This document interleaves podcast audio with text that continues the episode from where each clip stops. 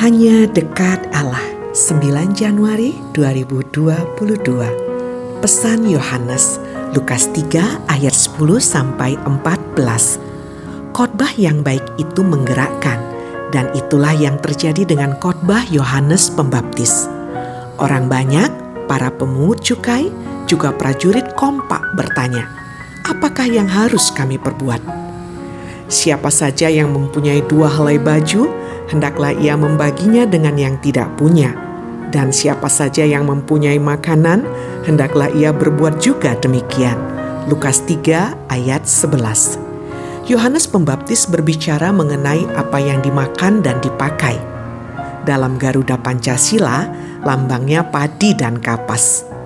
Jelas, anak Jakaria itu sedang membicarakan kebutuhan primer – yang dibutuhkan manusia untuk tetap menjadi manusia. Dia menegaskan pentingnya berbagi. Itu tidak berarti kita nggak boleh punya baju cadangan. Bukan itu maksudnya. Namun, jangan sampai kita bingung mau pakai baju apa, sementara tetangga kita nggak punya baju pantas pakai. Lagi pula, dalam keadaan normal, orang tak akan memakai dua baju sekaligus Berkait soal makanan, manusia hanya perlu sepiring nasi sekali makan. Kalaupun nambah, paling banter hanya sepiring nasi. Lagi pula, kita jarang memasak segelas beras, bukan? Ketimbang dibuang atau terbuang, ya lebih baik dibagikan kepada yang membutuhkan. Kepada para pemungut cukai, Yohanes Pembaptis berkata, "Jangan menagih lebih banyak daripada yang telah ditentukan bagimu. Lukas 3 ayat 13.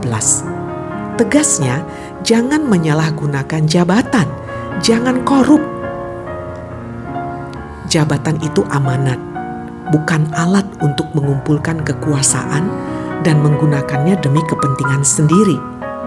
Kalaupun dipahami sebagai alat, ya harus dipakai untuk kesejahteraan umum kepada para prajurit yang bertanya, anak Zakaria itu menjawab, "Jangan merampas dan jangan memeras, dan cukupkanlah dirimu dengan gajimu."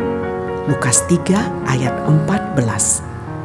Jelas maknanya, jangan menyalahgunakan wewenang dan cukupkan diri dengan gaji yang ada.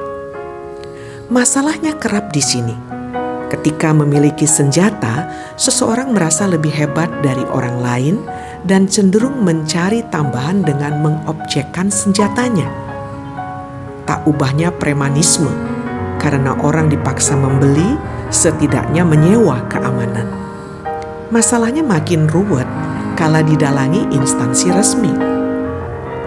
Pesan Yohanes Pembaptis sederhana, saking sederhana kadang kita malah mengabaikannya. Salam semangat dari kami, literatur perkantas nasional. Sahabat Anda bertumbuh.